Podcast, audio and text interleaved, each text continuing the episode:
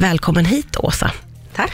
Du, eh, det började ju med att eh, du gick in i väggen. Vad var det som hände? Mycket som har hänt de senaste åren. Vi hade skaffat oss fyra barn, renoverat hus och sen flyttat från huset i Uppsala som vi hade renoverat till Umeå och köpt ett nytt hus och bytt jobb. Ja. Jag jobbade på tre olika skolor och cyklade däremellan. Och jag fick inte tills vidare anställning utan jag fick vikariera. Ja, det, det här vanliga medelklasslivet och Ja. barnens aktiviteter.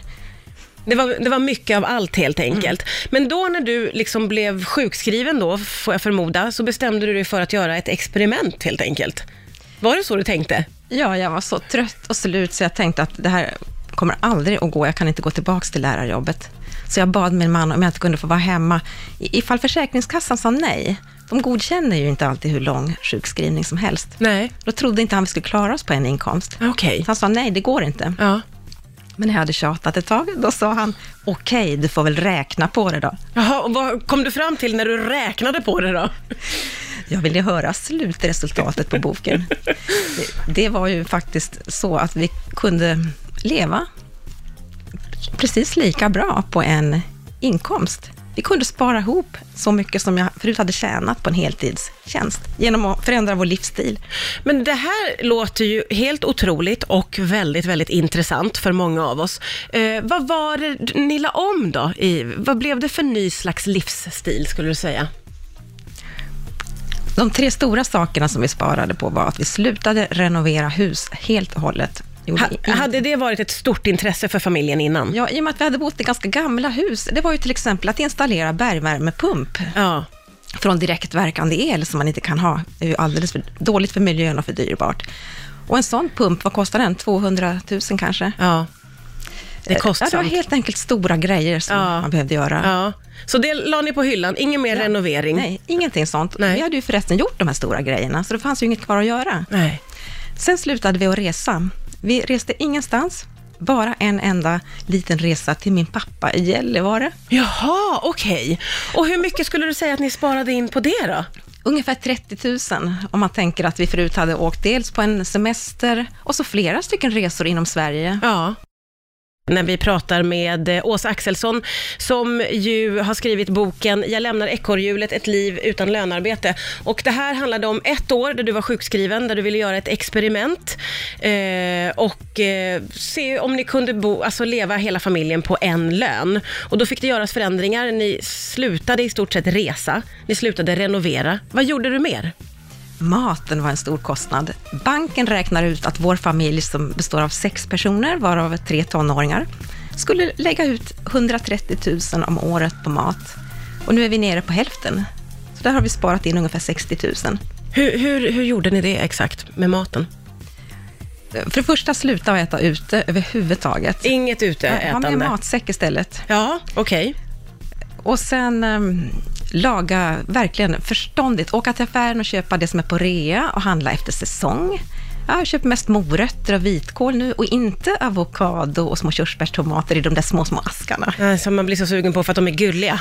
Ja, och den Ja. maten, liksom, är det kyckling på extrapris, då blir det en massa kyckling den veckan. Och sen ta hand om rester. Mm. Men sen också lite odling. Ja, okej. Vad odlade du för någonting? Jag odlar alla möjliga grönsaker, potatis, det är ju enkelt i, i Umeå-trakten. Rödbetor och morötter och ärtor och bönor och hallon. Ja, okej. Eh, och, och det här låter ju ändå som att det skulle, att det blev ganska mycket mer jobb för dig hemma vid. Mm. Var det så? Ja, absolut. Det, och det var också det som gjorde mig frisk från mitt utmattningssyndrom, att jag fick eh, arbeta praktiskt. Jag kunde bara koppla av hjärnan och göra saker med händerna och vara ute mycket i friska luften. Ja. Och göra en sak i taget. Det var verkligen välgörande för min övertrötta hjärna. Ja, men hur var det för övriga familjen då? Det här med att ni fick ge avkall på resor och eh, gå på restaurang och hur reagerade övriga familjemedlemmar? Alltså de var ju, barnen var ju mellan 8 och 17 och då är man ganska klok. Allt de ville var ju att deras mamma skulle bli frisk och glad igen. Min 13-åring sa, mamma, du har blivit mycket glädjefullare. Vad kan man mer önska sig? Dessutom, alltså vem tar hellre Bobs färdiga sylt eller ja, något halvfabrikat från affären än att få hemlagat, hembakt bröd när man kommer från skolan. Det Ja. blir ju faktiskt en högre livskvalitet. Ja, ja. Så, så det var inget klag alls från dina barn, utan de Ja. köpte in på det här? Alltså de äldre tonåringarna klagade väl ibland, men då försökte jag muta dem och locka dem. Vad och- mutar du med? Till exempel min äldsta dotter, hon fick, istället för att vi gick och handlade på stan kläder åt henne, fick hon en klädpeng. Ja, okej. Som i själva verket var en lite mindre summa jag kanske hade lagt om jag hade betalat. Ja, ja, ja, sneaky. Det har hon inte förstått nej, ännu. nej, men som mamma har man ju sådana där fördelar.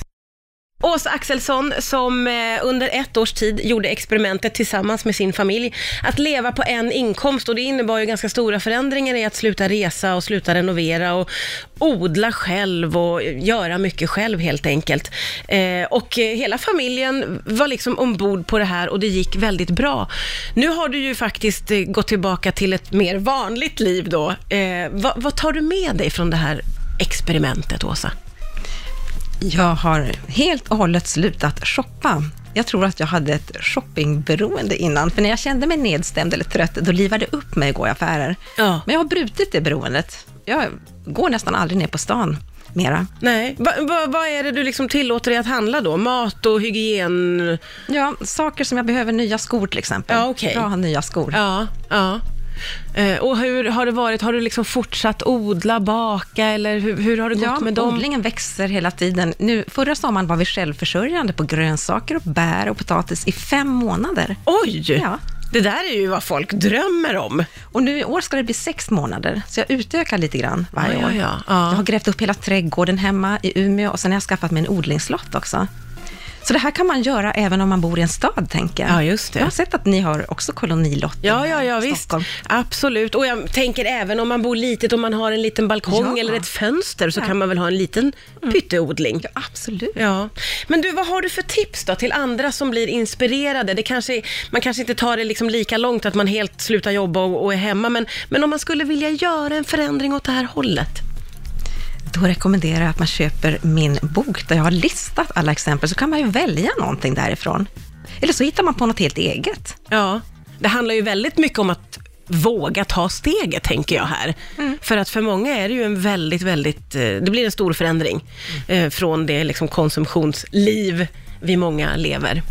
Eh, kommer du någonsin att att liksom kunna gå tillbaka till ditt gamla jag som du var innan? Ja, det får man väl se. Barnen blir större och flyttar hemifrån och då får man kanske lust och ork att göra något helt nytt. Ja. Satsa på en ny karriär. Ja, ja, ja, du håller alla dörrar öppna, det är underbart. Åsa Axelsson, boken heter Jag lämnar ekorrhjulet, ett liv utan lönearbete.